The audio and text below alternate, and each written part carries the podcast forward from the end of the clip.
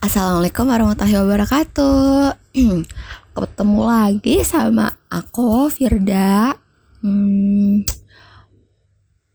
di podcast kali ini aku kepingin uh, membahas mengenai minoritas kali ya bisa dibilang tuh minoritas salah satu minoritas yang ada di Indonesia yaitu mengenai Ahmadiyah. Nah, banyak banget kan ya spekulasi uh, yang berterbaran mengenai uh, jemaah Ahmadiyah ini. Ada yang bilang sesat lah, ada yang bilang menyimpang dari agama Islam lah, ada yang bilang bahkan murtad lah segala macam. Nah, um, untuk mengetahui itu semua, aku uh, punya kesempatan untuk ngobrol-ngobrol sama temen aku yang ke yang kebetulan seorang Ahmadi gitu. Langsung aja ya kita mulai uh, diskusinya. Semoga dengan adanya diskusi ini kita jadi tidak mudah untuk mengkafirkan atau mensesatkan orang gitu ya mari kita berpikir bersama teman berpikir uh, supaya kita nggak salah paham dengan uh, narasi dan isu yang ada. Jadi kita mau bahas tentang Ahmadiyah. Nah, hmm, sebenarnya ini kepingin ini aja sih. Kita ada ngobrol mengenai apa itu Ahmadiyahnya bener ya segala macamnya dan suka duka eh, seorang siapa? Hal menjadi Ahmadian. Sebenarnya aku kepingin tanya pertama kalau misalnya boleh milih Marifal tetap eh, mau jadi seorang Ahmadi atau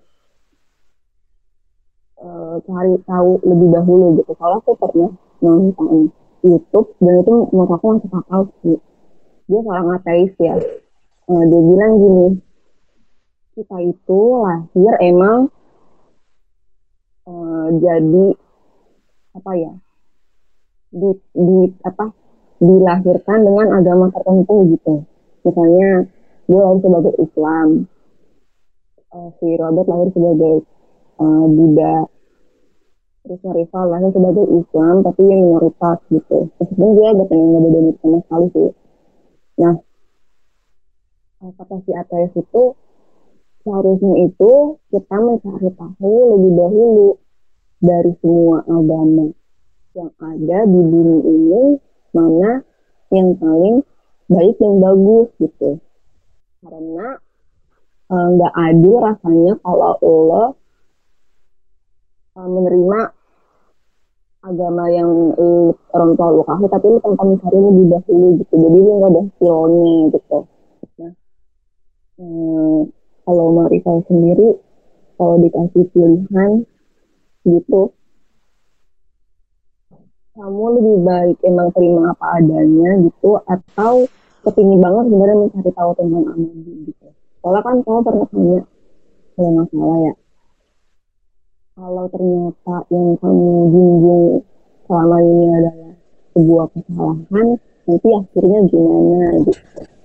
Gimana? Ini pertanyaan bagus banget, Fir, sumpah. Uh, pertama itu ya,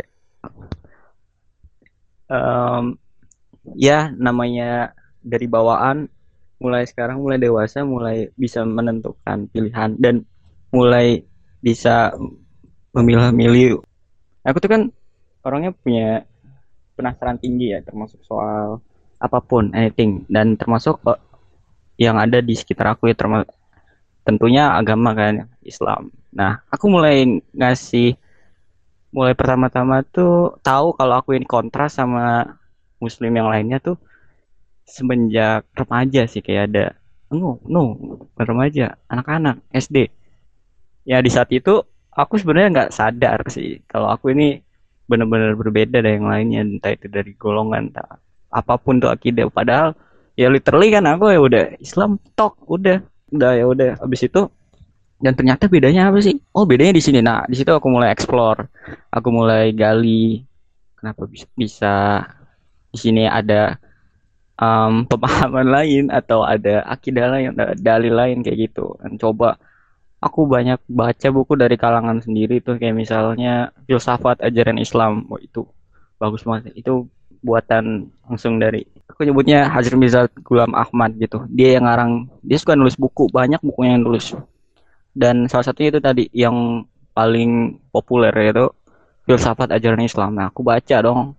Itu tadinya ada di masjid aku baca aku bawa pulang dong sengaja penasaran dari judulnya terus aku baca subbabnya aku mulai ngerti oh ya terus bener dong ada tiga masalah penting tuh misalnya apakah Nabi Isa masih hidup di langit? Um, apakah Nabi Muhammad sebagai khotaman nabiin nah itu ada dalilnya tuh. Semua dijelasin clear dikasih buktinya ayatnya uh, sama hadisnya apa gitu. Banyak di situ narasinya benar-benar pas kayak ada titik temu semua ujungnya. Terus dari beberapa gitu ya belajar banget tentang uh, nafsu nafsu lawama nafsu mutmainah nafsu amarah kayak gitu banyak. Dan aku memilih ya itu tadi aku aku nggak sekedar cuma menggendong agama yang udah diwarisin sama orang tua aku tapi aku juga mau tahu apa sih sebenarnya aku mau cari tahu sendiri gitu dengan kemampuan aku dengan potensi dan pemahaman aku sendiri gitu. Dan ya akhirnya setelah aku gali-gali baca banyak-banyak buku terus aku kan ini kan ada kayak KPA ya kursus pendidikan agama itu kayak kalau di Ahmadiyah tuh ada kayak semacam pesantrennya gitu setiap setahun sekali. Itu untuk mendidik anak-anak Ahmadi biar dia nggak nggak kayak mohon maaf kan selama ini banyak Islam tuh jadi anaknya generasi muda Islamnya itu kayak masih dilepas aja gitu di, di lepas liarkan gitu dia nggak ditampung sejak anak-anak remaja sampai hingga dewasa nah kalau di dalam itu ada tiap tahun sekali rutin namanya um, KPA itu semua diajarin mulai dari akidah, sholat, fikih, hadis, pokoknya semua deh. Dan di situ aku mulai ngerti, aku menemukan sisi lain daripada Islam itu sendiri. Dan yang aku kenal Islam tuh ya emang dari koridor situ dan aku merasa nggak ada kesalahan nggak ada yang ganjil yang nggak ada yang janggal. Toh kan kalau urusan untuk kebenaran itu kan relatif ya tergantung individunya. Apalagi keyakinan. Keyakinan itu nggak bisa dipaksakan dan nggak bisa memaksakan gitu. Ya udah. Keyakinan tuh pilih senyamannya masing-masing aja dan setelah aku mencari tahu mulai diskusi. Ini sih yang paling susah itu kayak diskusi soal uh, background agama aku yang benar-benar kontras dari muslim pada umumnya. Aku pengen coba diskusi aku pengen coba gali gimana sih responnya gimana sih gesturnya gimana sih ekspresinya kalau aku mendengar aku ini Islam tapi golongannya yang um, bisa dibilang langka dan cukup mengejutkan gitu. Nah, aku ada cerita nih. Ini baru buat ini, fresh. Aku kan lagi aku cerita ini ke temen temen cewek aku yang dekat gitu kan. Aku ceritain. Kaget dong dia. Kaget dia. Dia nggak tahu kata emang Islam ada lagi ya golongannya? Emang ada ya golongan kayak gini? Emang kenapa? Bla bla bla gini. Emang ada lagi nabi ya? Emang ada lagi kayak gini gini bla bla bla. Emang ada ya? Kayak gitu dia sampai pusing. Kok dia dia sampai nggak tahu itu orang awam ya. Itu orang awam ya aku ceritain teman dekat aku cewek. Dan sampai akhirnya ya dia responnya kayak aku nganggapnya dia kayak mulai menjauhi menjauhi aku dari segi religiusnya dari segi agamanya. Pun yang dulunya dia percaya banget sama wah Mari Palmo kalau ada soal agama udahlah apalagi soal yang akademis kayak gitu. Nah dia mulai mempertanyakan background agama aku dan aku mulai jujur dan ternyata dia udah mulai waduh udah mulai kayak mundur sedikit-sedikit gitu. Dan aku berasa sih tanpa dia harus ngomong secara verbal atau apa aku mulai berasa respon kayak gitu. Itu yang awam banget ya karena mungkin um, nggak tahu ini bisa dibilang berbahaya menular atau apa. Ya tapi intinya kalau untuk mencari tahu sendiri aku udah cari tahu dari aku remaja kecil. Aku kan nggak nggak bisa tinggal diem aja. Penasaran apa yang orang lain katakan penasaran sama apa yang ada di pikiran sendiri penasaran. Kenapa sih kayak gitu? Kenapa sih ada seperti ini? Kenapa sih ada seperti itu? Kenapa dia ngomong begini? Kenapa dia begitu? Kayak banyak pertanyaan muncul dan sampai akhirnya aku bisa berdamai dengan diri sendiri gitu. Kayak ya udah ini soal keyakinan kan kalau keyakinan itu vertikal. Urusan hamba dan Tuhannya gitu. Nggak ada urusan perkelompok nggak ada urusan perkeluarga nggak ada urusan berjamaah nggak ada urusan gitu. Ini urusan ibadah itu kan vertikal per individu individual gitu. Antara lu sama Tuhan lu ya udah. Deh sampai situ aja.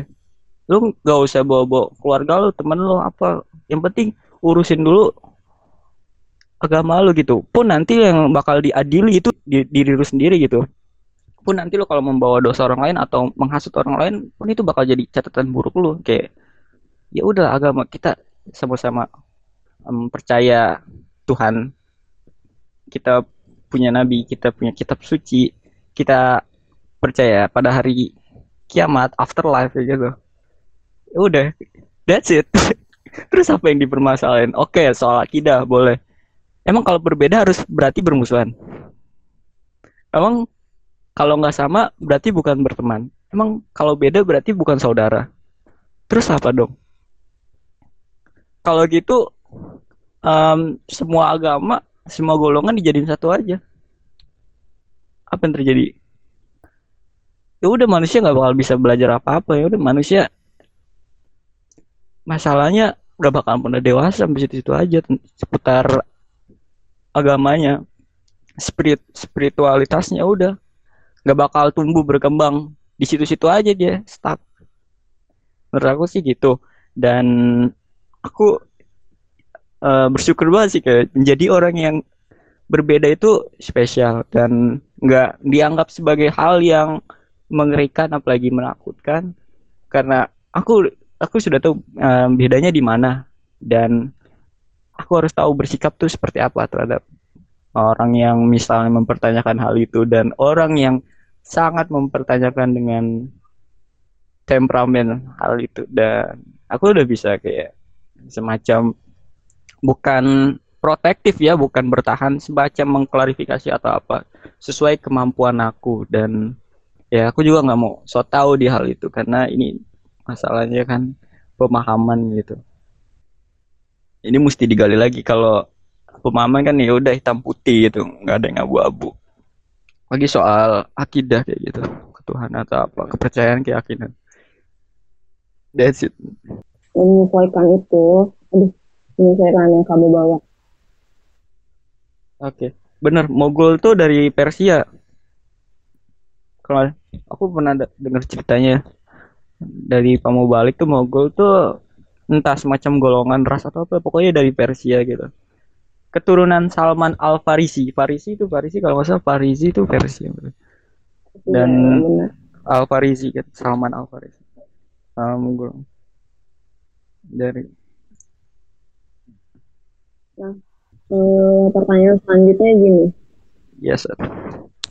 Hmm, kenapa Ahmadiyah memilih berbeda dibanding dengan Islam lainnya gitu? berbeda dalam oke. okay. yang akhirnya menyebabkan orang di luar Ahmadiyah menganggap bahwa ajaran kalian itu sesaat kalian kalian berbeda. Dan kalian berbedanya itu ekstrim gitu. Itu menurut kebanyakan orang ya.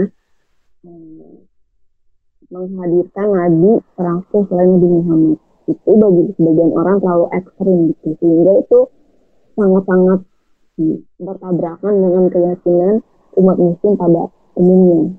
Ngomong-ngomong berbeda nih, kita kasih dulu um, berbeda straight to forward. Oke. Okay.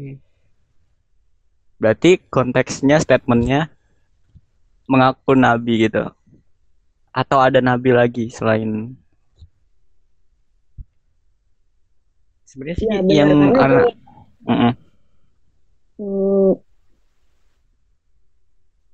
apa sih namanya? Banyak uh, yang mengatakan Ahmadiyah seperti itu karena ketidaksetujuannya dengan keyakinan yang kalian ingat yaitu bahwa Mirza Gulam itu adalah nabi terakhir di Islam gitu. Ataupun ada nabi lain selain Nabi Muhammad entah siapa namanya. Dan menurut kebanyakan orang Islam itu adalah perbuatan yang menyimpang. gitu mungkin bisa diluruskan atau salah paham atau gimana atau memang benar benar adanya seperti itu.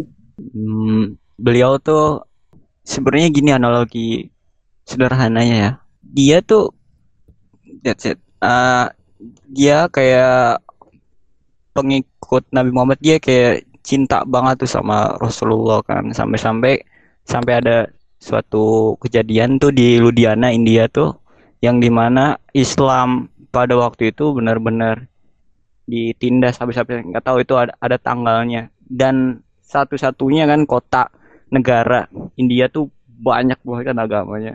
Dan agama terbesar waktu itu kan ya udah pasti Hindu Buddha kayak gitu. Dan dia ini orang yang satu-satunya Islam termasuk salah satu orang Muslim yang membela waktu itu saat di sidang apa gitu. Satu-satunya yang berani ya. Banyak Muslim tapi yang berani itu jarang kan. Nah kayak gitu.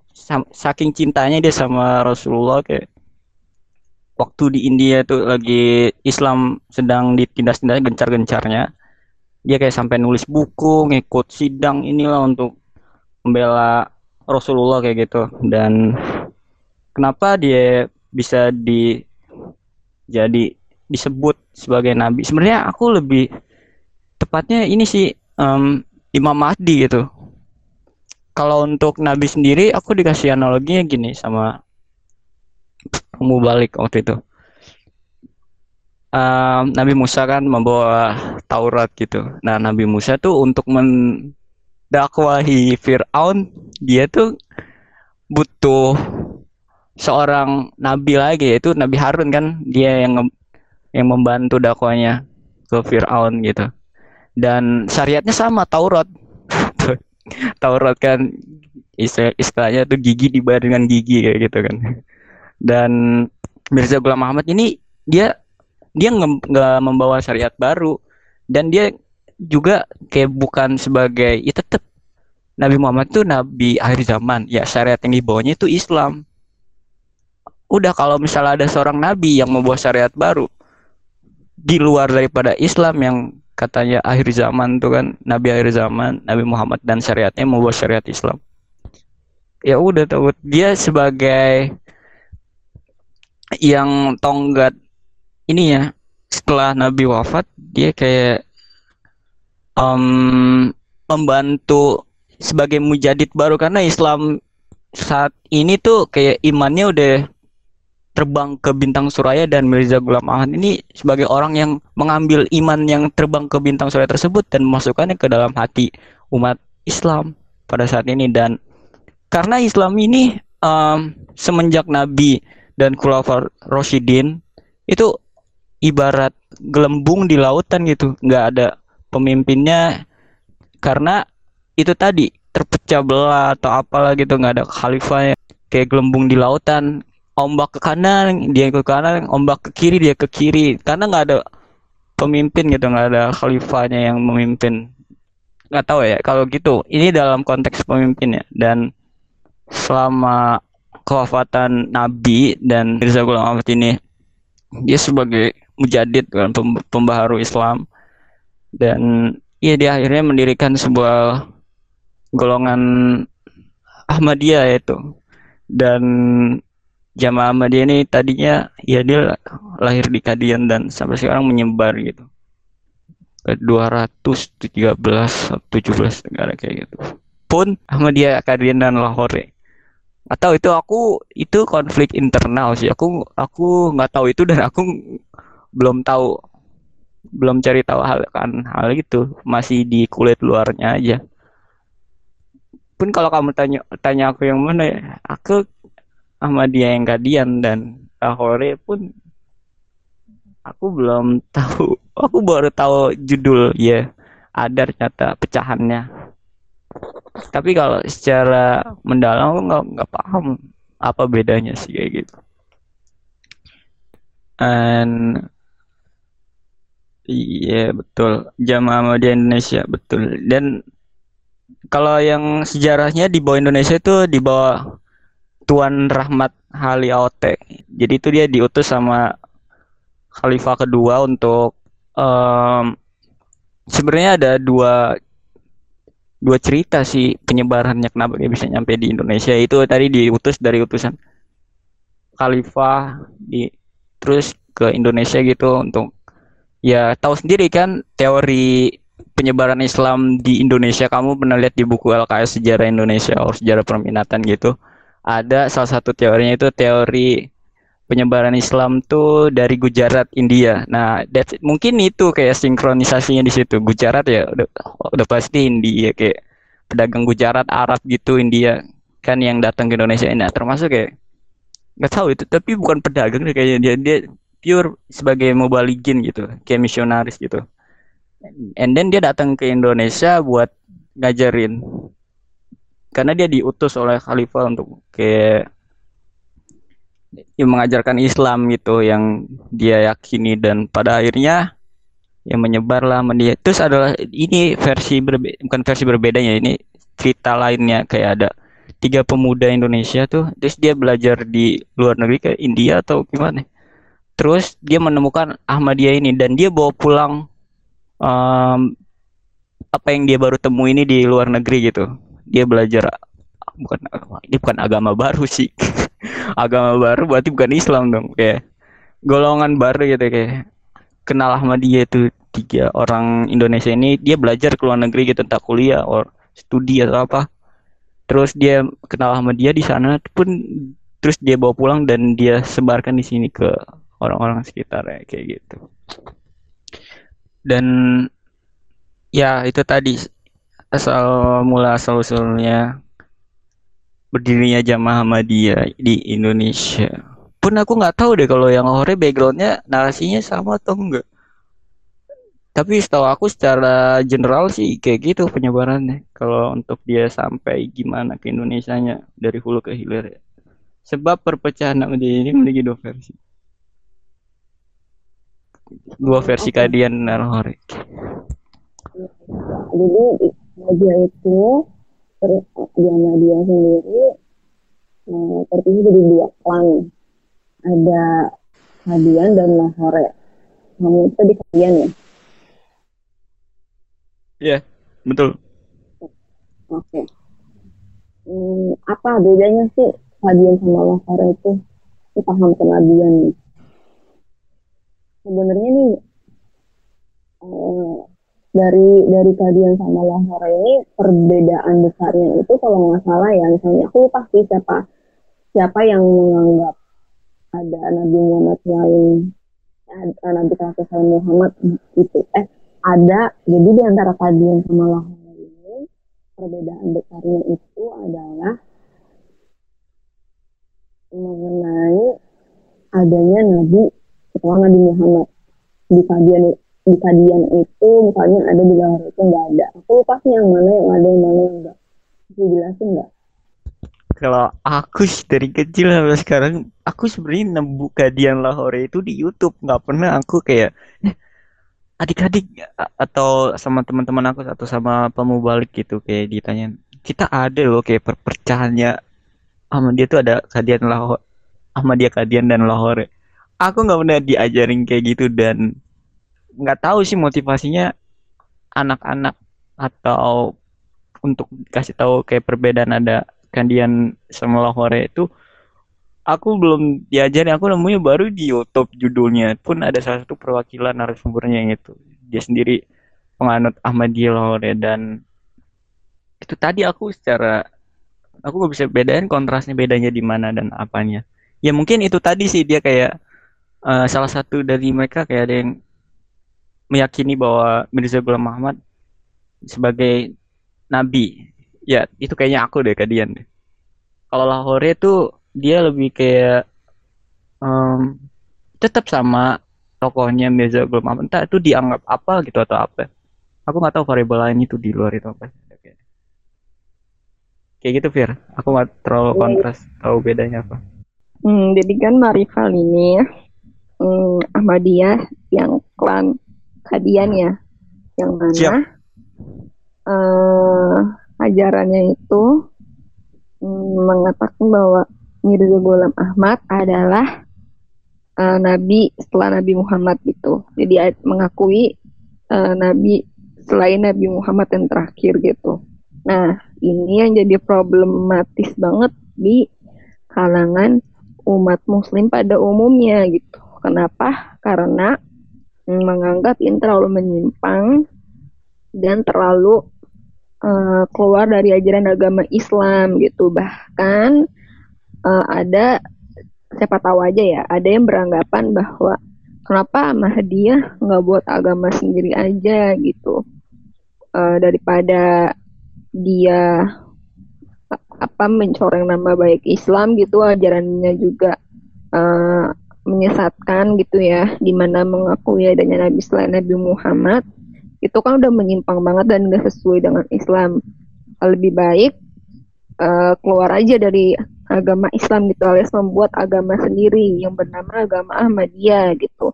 Jadi bukan agama Islam atau sempalan agama Islam lagi tapi jadi agama Ahmadiyah. Karena apa?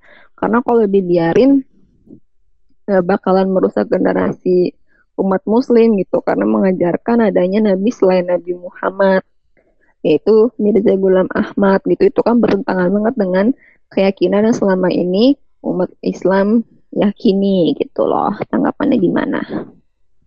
tanggapannya sebenarnya kalau dibilang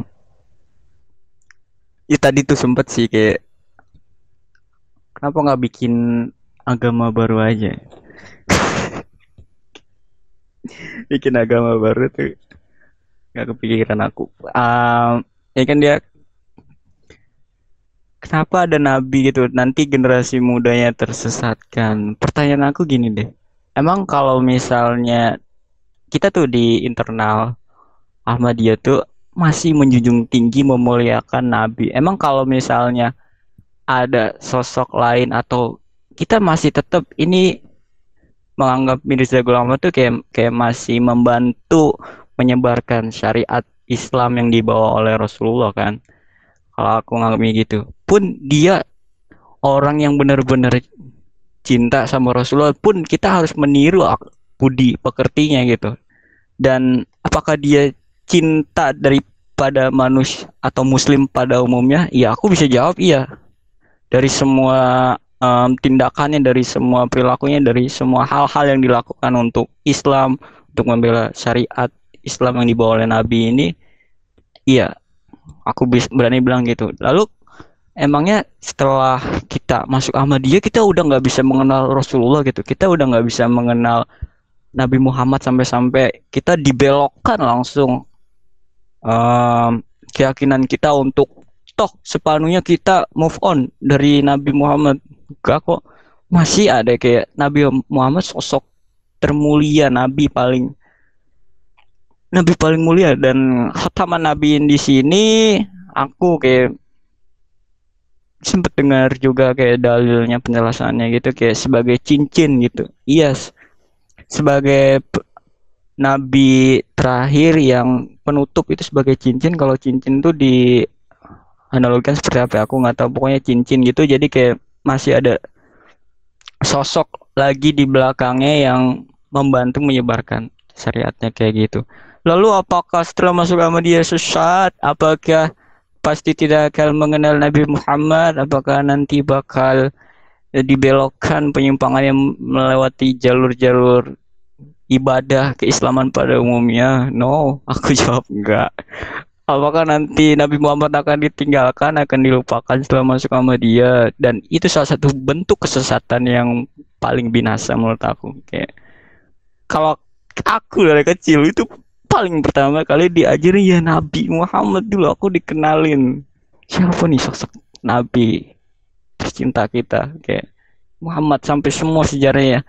Entah itu Islam yang di luar tahu nggak sisi kayak gini? Sisi ter- sisi lain daripada Nabi Muhammad dari jemaat Ahmadiyah kayak aku aku belum berani jamin aku belum berani jamin ada kayak macam sisi lain daripada nabi yang dijelasin oleh tokoh-tokoh Islam yang besar di luar sana. Tak itu pemahaman dia tentang Nabi Muhammad yang luar biasa. Dia bisa ngelihat sisi lain daripada Nabi kayak aku aku kenal dan aku diajarkan. Dan aku dikenali Nabi Muhammad itu dari Mirza Ghulam Ahmad tadi. Dan dia sebagai perantara di zaman ini yang pada waktu itu kan lumayan jauh kan rentan wak rentang waktunya setelah kenapa kewafatan Nabi. Dan dia sebagai pembaru Islam tadi yang di mana Islam ini kayak sudah mulai terpecah belah sudah mulai um, tidak menyatu. Jadi kayak Ahmadiyah itu berusaha menyatukan kembali Islam di bawah Panji Ahmadiyah. Dan kayak itu menurut aku sih salah satu tujuan mulia ya. Kayak membantu menemukan atau memahami umat muslim sekarang ini kepada esensi dasar Islam itu sendiri yang dibawa Nabi Muhammad SAW. Dan kalau mau lihat kayak perintilan kontrasnya, entah itu dalilnya apa, aku belum bisa sebutin dan aku cuman diceritain tapi aku nggak hafal. Aku cuma denger kayak ceramah sama gitu dan aku bisa lihat kayak perintilan terkecil dari Islam ini ternyata banyak yang dimodifikasi kayak gitu dan aku taunya cuman dari sini. Dan kalau itu ada buktinya atau apa ya aku kenal dari beliau ini Mirza Ghulam Ahmad dan para mubalikin misionarisnya kayak gitu. Kalau untuk menyesatkan pertama pasti udah gak kenal Nabi gak kenal Tuhan gak baca Quran.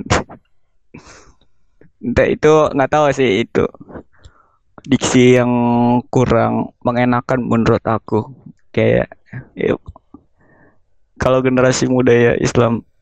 Toh sebelum kenal masuk sama dia apakah generasi muda Islam sudah baik di sekarang ini? Belum tentu kan? Apakah sebelum dia masuk atau sebelum dia mengenal golongan sama dia berarti apakah Islam generasi sekarang ini sudah baik secara umum semuanya maksimal. Belum tentu juga sama dia kayak ya udah gitu kayak seolah-olah narasinya kalau masuk Ahmadiyah itu uh malah makin lost generation gitu malah makin menghilang generasinya. No karena di sini kita dibimbing dididik mulai dari belia benar-benar usia belia dikenalin apa esensi Islam itu sebenarnya seperti apa yang murni ya menurut aku. Dan ini hmm, aku nyaman sih kayak di sini kayak udah. Dan aku menemukan sisi lain Islam yang entah aku nggak mau membandingkan ya keislaman aku dengan teman-teman di sekitar. Aku menjadi lebih ya jadi lebih paham lebih ngerti lebih mudah mencerna atau lebih nanti bisa mengajarkan apa yang nanti mereka tidak tahu atau apa kayak gitu dari sisi lain Islam tersebut. Dan untuk aku berpikir apakah nanti teman-teman atau orang lain di luar sana yang mengenal dari generasi mudanya Islam yang tadinya Islam awam terus masuk ke golongan dia langsung sesat pulih hmm, aku masih bingung sih gimana mikirin skenario dia bisa tersesat kayak gitu. Apakah karena mengenal adanya Mirza Ghulam Muhammad lalu tidak memuliakan lagi Nabi Muhammad gitu tidak mengucap salawat tidak membaca syahadat tidak sholat. Aku masih bingung tuh kira-kira narasinya gimana kalau setelah pemuda generasi muda kita masuk ke Ahmadiyah. Apakah keislamannya akan meningkat keimanannya atau malah semakin melemah menjauh melempem? Nah aku nggak tahu tuh. Atau semakin ringkih imannya aku nggak tahu tuh. Dan ya literally kalau aku bisa ngerasain sendiri ya dari kecil dididik dengan pendidikan agama Islam dari versinya Jemaat Ahmadiyah gini aku merasakan beda banget rasanya kayak aku, ternyata Islam tuh lebih indah kalau kita melihat dari sisi lainnya nggak harus kayak wow iya sih ibadah boleh iya sih kayak ya berkor-kor iya sih kayak sunnahnya apa iya tapi Islam tuh kayak bener-bener agama yang paling memudahkan dan agama yang paling nyaman kalau kalau melihat dari sisi Ahmadiyah gitu tadi dan kalau di Islam pada Umi atau Umi aku nggak berani komentar banyak harus ditanya sih kayak di luar itu apa yang dia rasain selama dia jadi muslim kayak gitu pun ini dari internal aku ya, pribadi Oke, oke. that's it poinnya dapat gitu. Hmm, mungkin suka ada yang jauh lebih kepo. Heeh, suka ada yang jauh lebih kepo nih. Kalau ditanya eh, bagi jamaah Ahmadiyah lebih berharga eh, Mirza Ghulam atau Nabi Muhammad? Mungkin ini pertanyaan kepo yang paling Aku sih- mendalam ya. kalau aku boleh ambil dua-duanya dua-duanya berharga tapi kalau lebih milih siapa yang paling berharga ya tentu si sang penciptanya dong Allah Subhanahu wa taala tapi kan itu tadi kayak nabi itu ya karena Nabi Muhammad sebagai pembawa syariat agama Islam tentu aku milih dulu si pembawa syariat agama Islam ini. Menurut aku ya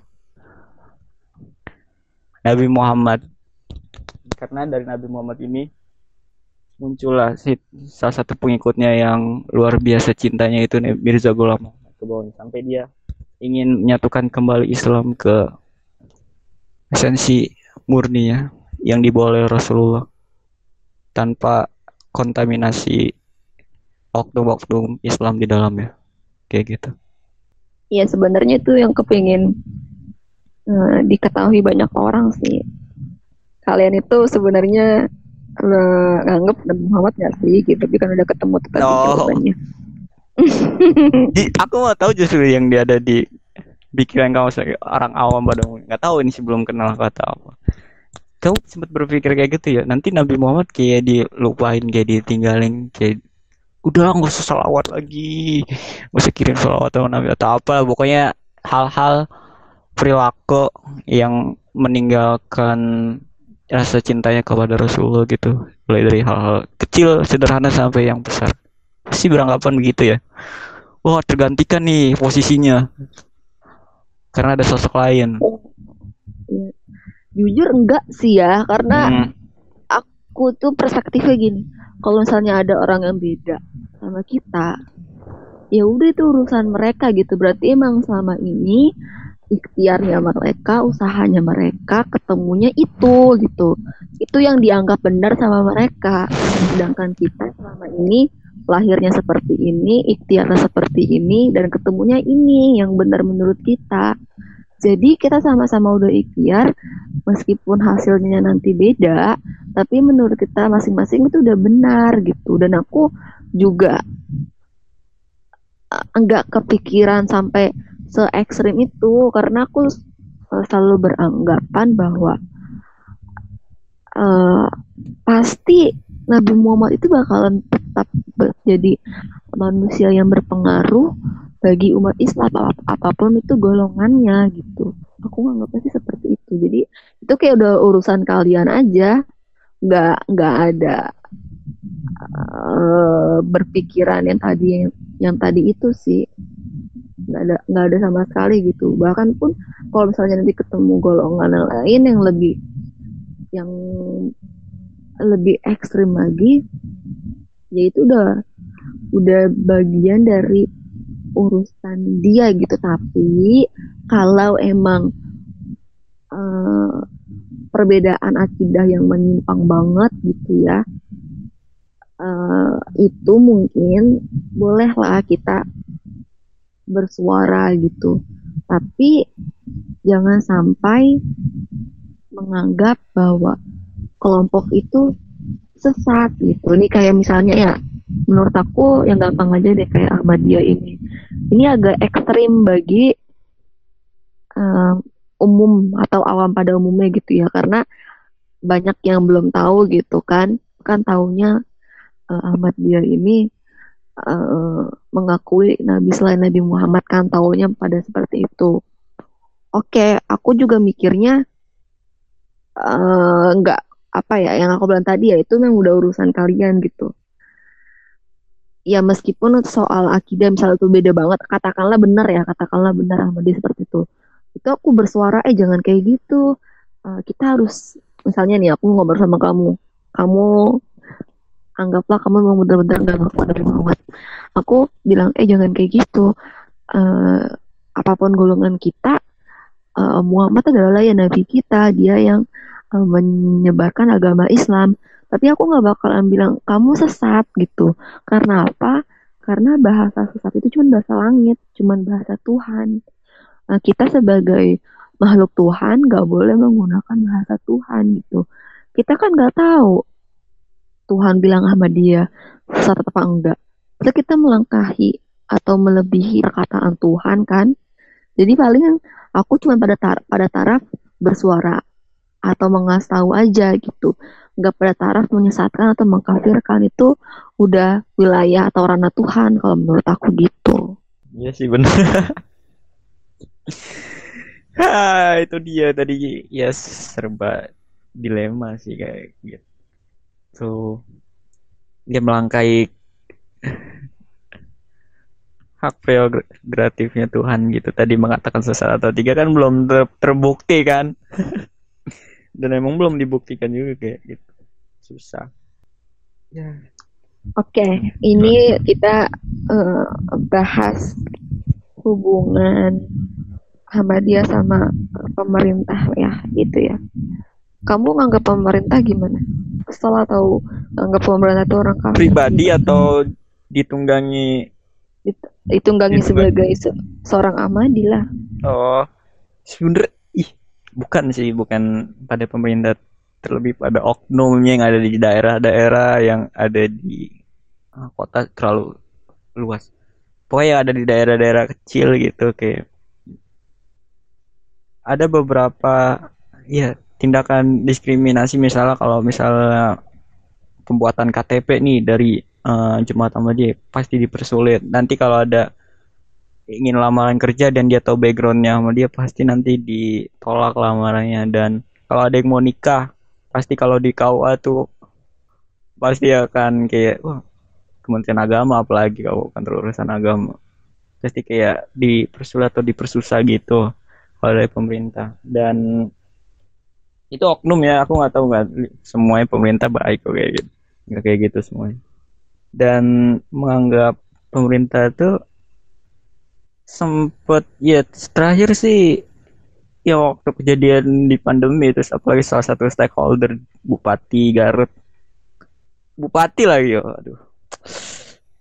Sama menyayangkan sih kayak ironis aja gitu. Kayak masih bulan puasa pandemi lagi.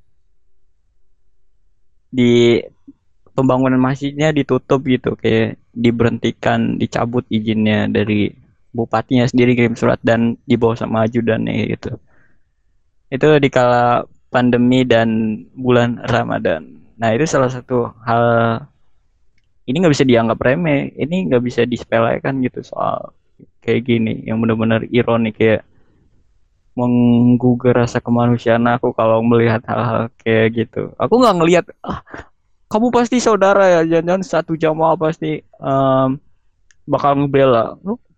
Kalaupun ada orang jemaat sama dia yang salah, ya aku pasti akan katakan salah ada yang melanggar hak-hak orang lain, yang melanggar ibadah orang lain, yang melanggar semua kewajiban atau kayak mencelakakan orang lain dari jemaat dia aku nggak bakal bilang itu bener kok.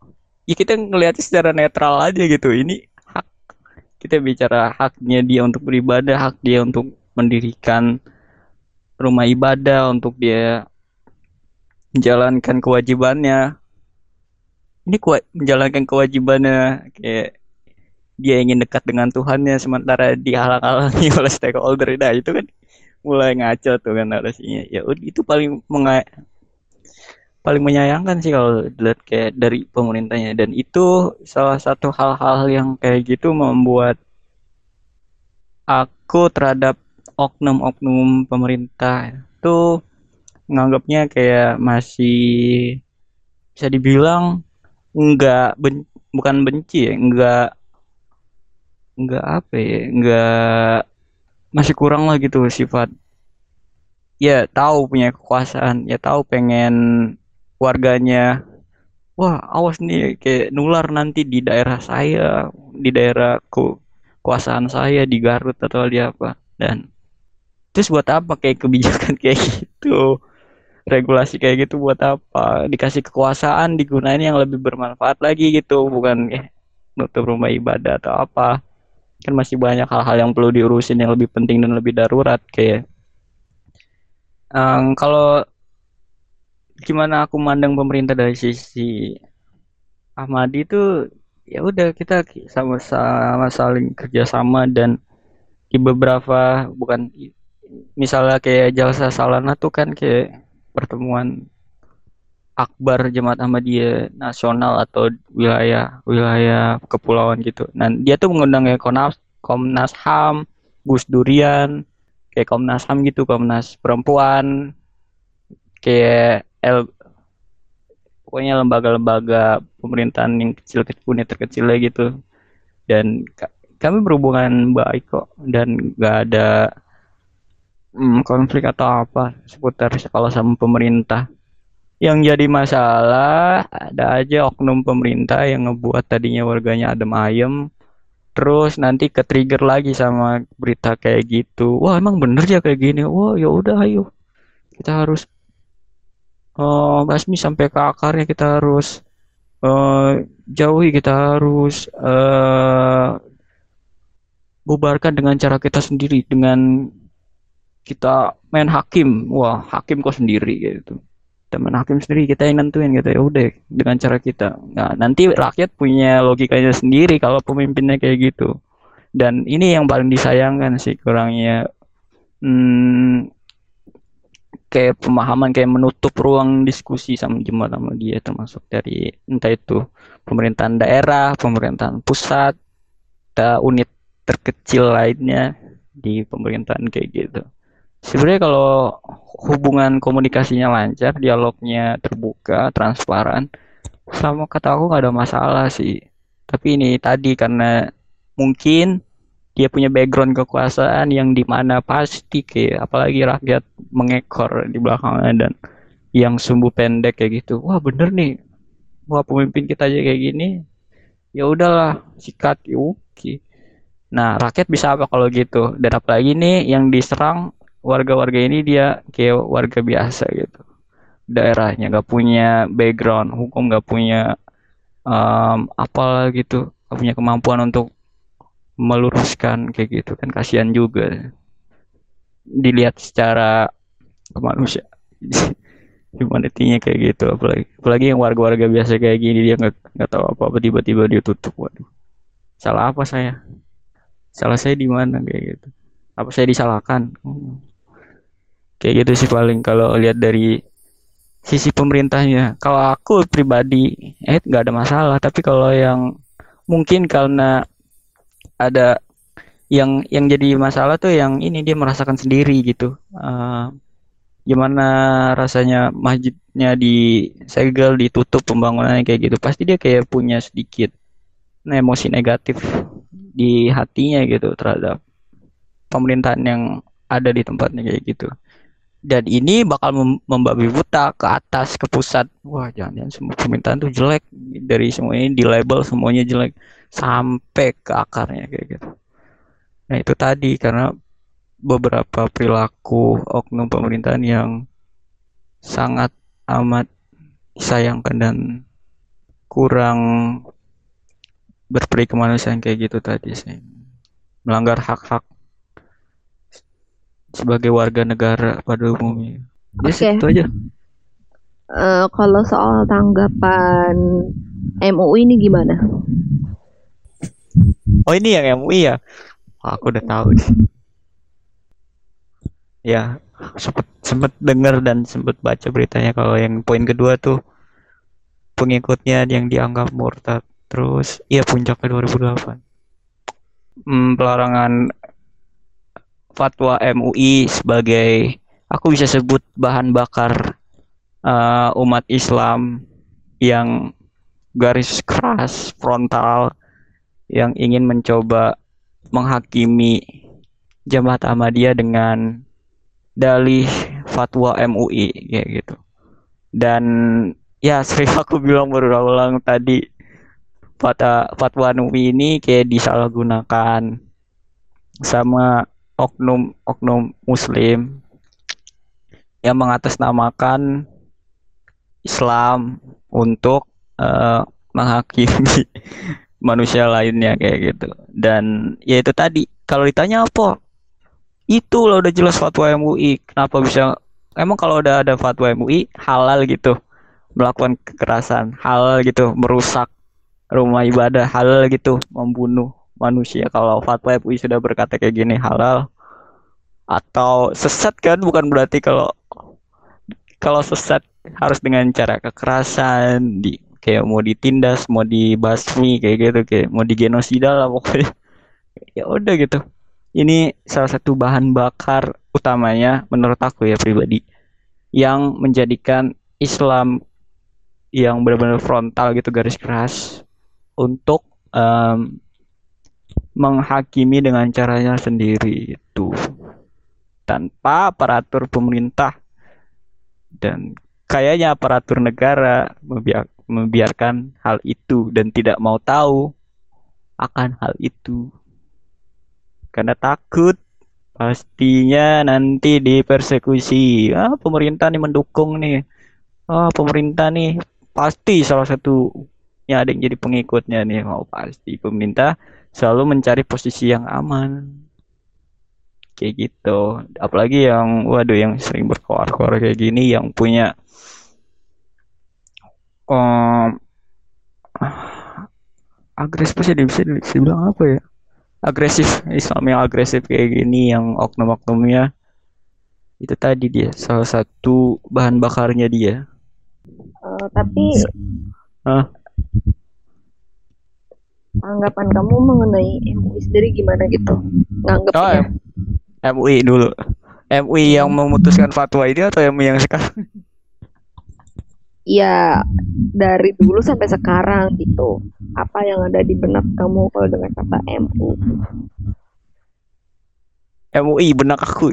Majelis Ulama Indonesia udah jelas kan namanya ada ulama Waduh udah nggak diraguin tuh orang-orang yang di dalamnya. Udah pastilah ilmu agamanya gak usah ditanyain deh. Kalau ditanyain pasti udah pasti. Nah, jauh jauh banget kalau jauh. Udah pasti dia paling ngerti tentang agama. Tapi yang paling ironisnya dia dalam mempertimbangkan termasuk dalam pembuatan fatwa ini. Sempet nggak kayak kepikiran gitu di masa depannya? Coba berpikir visioner sedikit.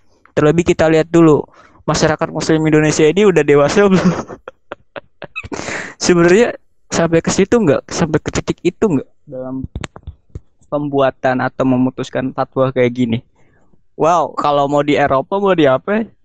Yes bebas sih. Ya karena dia muslim yang di luar sana tuh udah bener dewasa. Tapi kalau di Indonesia bos saking fanatiknya fanatismenya wah, berbeda sedikit langsung. Wah apa deh waduh apalagi udah dibilang sesatmu makin menjadi jadi. Yang belum belum dibilang sesat aja udah langsung hilang. Ada isu sedikit. Dan kalau kayak gini menurut aku faktor mungkin salah satu ya uh, kalau misalnya ada yang dengar salah satu anggota MUI yang sekarang.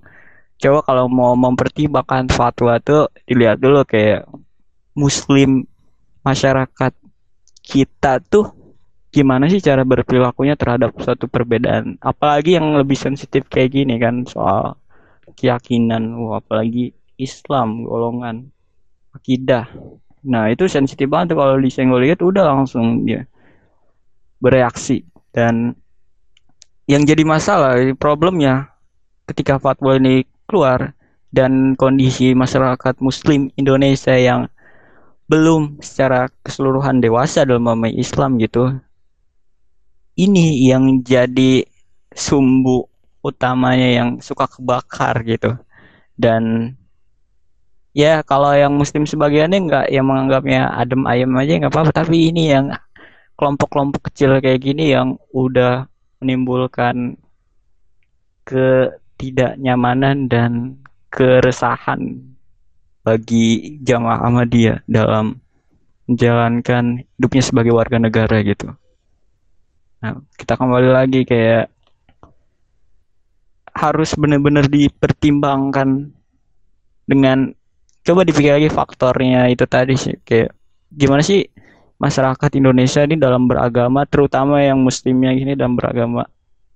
Apakah dia sudah dewasa ataukah masih kayak menjunjung tinggi fanatisme um, hanya mengekor sama yang dibilang uh, sesat sedikit langsung dengan kekerasan wah pasti halal kayak gitu.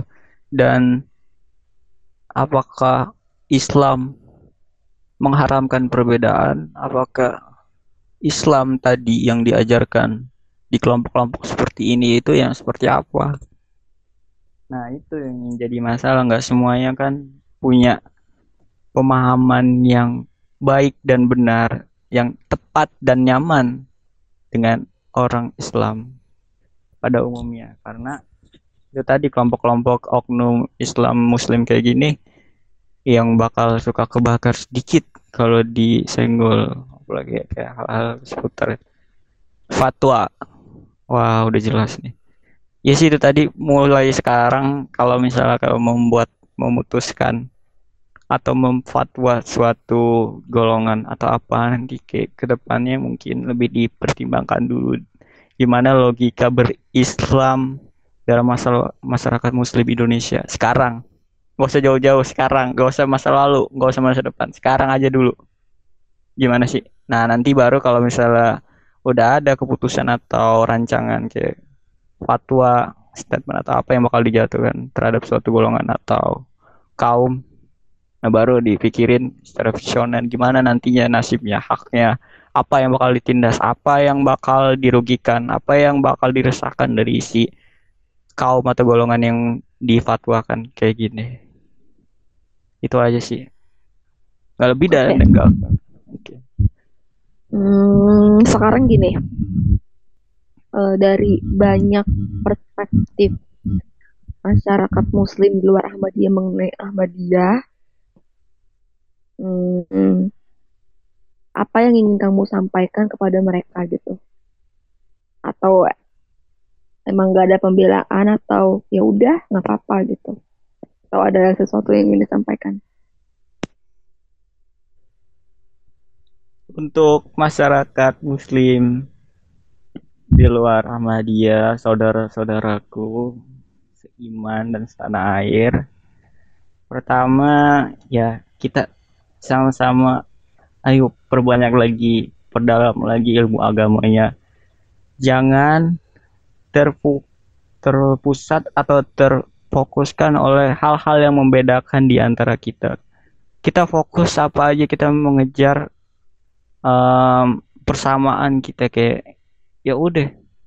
Kita menjalankan itu murni karena ibadah kita kepada Tuhan bukan murni walaupun konteksnya ibadah tapi saling menjatuhkan gitu. Ya udah kita berlomba-lomba aja dulu dalam kebaikan dan seputar agama. Urusin dulu um, keaga ilmu keagamaan baru mulai komentar atau baru mulai mengomentari gitu. Tapi kalau misalnya ilmu agamanya sedikit mulai banyak uh, nyinyir sana sini atau apa lebih baik kita memperdalam dulu ilmu agamanya baru nanti kita bakal menjadi muslim yang seutuhnya yang benar-benar dewasa dan terbuka pikirannya seputar Islam yang benar-benar diciptakan oleh Allah. Ini memiliki keindahan saking indahnya itu banyak orang yang ingin ke sana dengan cara apa pun. Dengan um, impiannya dia seputar Islam itu tadi. Dan untuk muslim di luar Ahmadiyah yang saudara-saudaraku kita sama-sama belajar Islam dan kita pahami Islam itu sendiri dan kita harus nyaman dengan Islam itu sendiri. Jangan terbebani jangan saling mencari celah jangan saling mencemooh ya kita terapkan aja dulu nilai-nilai Islam supaya benar-benar diri kita tuh punya value punya nilai moral etika kayak gitu. Dan Islam sendiri banyak kok hal-hal yang kita belum pelajari dan belum kita terapkan selama ini. Harusnya kita mengurusi hal itu bukan em, repot dengan perbedaan ini dan itu. Jadi sama-sama kita berlomba-lomba dalam kebaikan beribadah semaksimal mungkin dan pelajari Islam dari semua sisi. Jangan mengharamkan perbedaan atau jangan menakuti perbedaan karena perbedaan itu sebuah keindahan yang tidak perlu harus ditakuti bahkan harus anda syukuri kayak gitu. Kalau nggak ada perbedaan kita nggak bakal belajar tentang apa pun di dunia ini. Dan Islam itu sendiri menurut aku ya agama yang paling sempurna agama yang paling mempermudah dan agama yang paling memberikan solusi terbaik bagi menganutnya itu sendiri dan ya oke Udah mungkin lupa ini pertanyaan, terakhir kali ya gini. Iya. Hmm.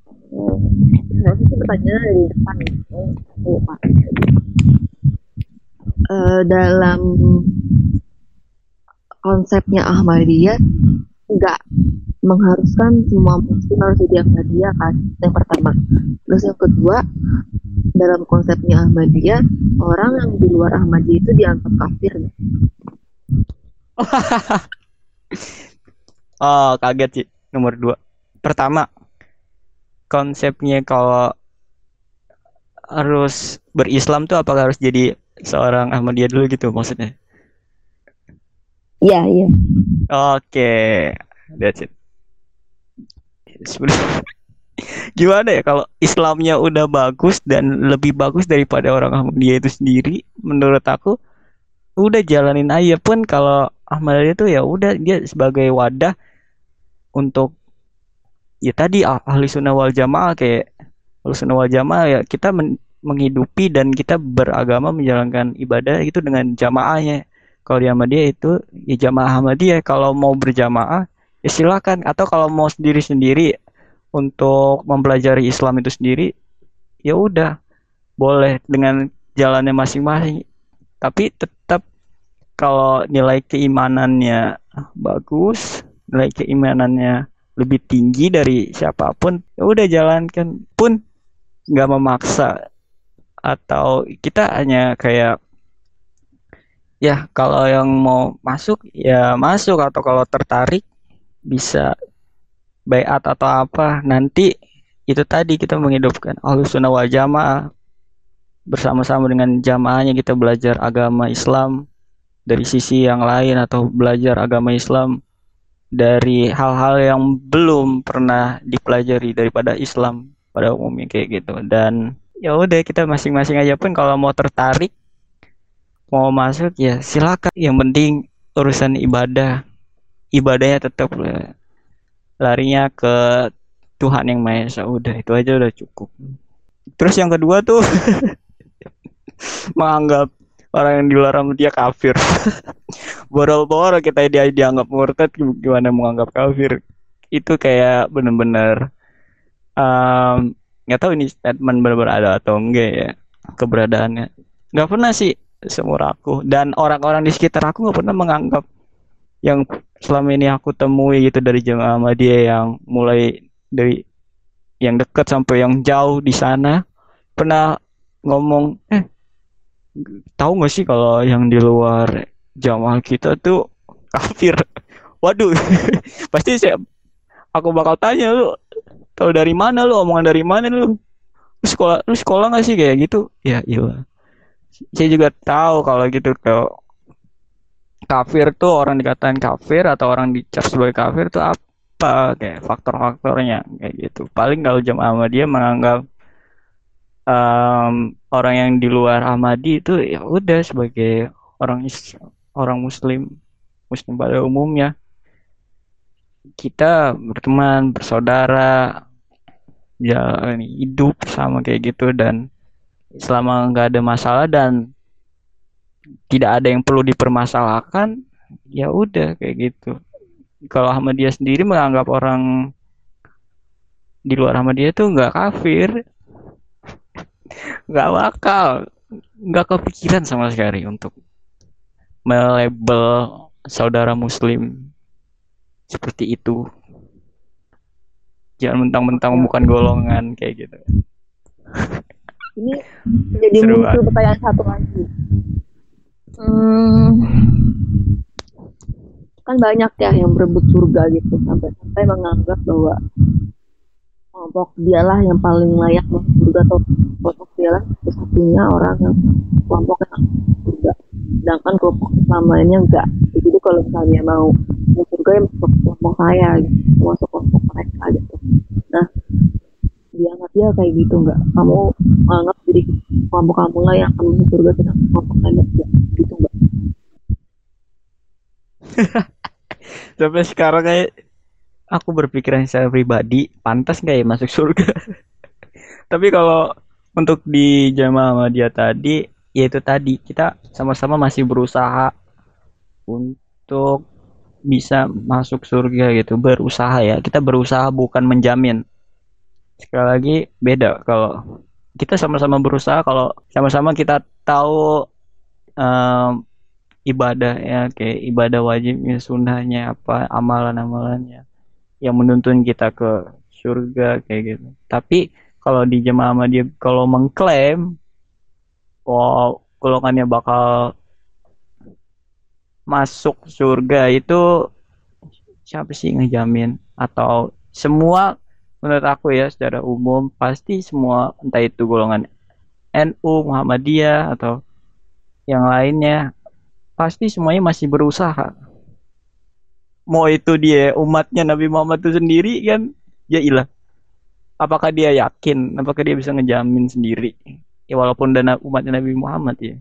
Apakah nanti dia seumur hidupnya bakal timbangan amalnya berat sebelah atau amal buruknya lebih berat daripada amal baiknya? Kita kan belum tahu dan hal itu emang sulit dicari tahu yang itu kan nanti kayak jadi rahasia ilahi aja. Tapi secara keseluruhan jemaah Ahmadiyah kayak mengklaim golongan yang bakal oh, apalagi surga ya. Wah surga itu kayak hal yang paling gampang didoktrin gitu untuk ya teroris juga. Awalnya kan ditawarinnya surga 72 bidadari. Nggak usah bikin agama jadi teroris aja kan gampang udah masuk surga. Tapi kan nggak gitu caranya untuk menjamin orang masuk surga. Nggak semudah itu. Kita sebagai jemaah Ahmadiyah menawarkan kayak hmm, gini loh caranya beribadah gitu. Sama-sama kita belajar Islam untuk menuju surga itu tadi dan urusan menjamin golongan ini paling benar. Karena saking benar ya pasti bakal masuk Islam bakal masuk surga duluan atau satu-satunya yang paling masuk surga gitu.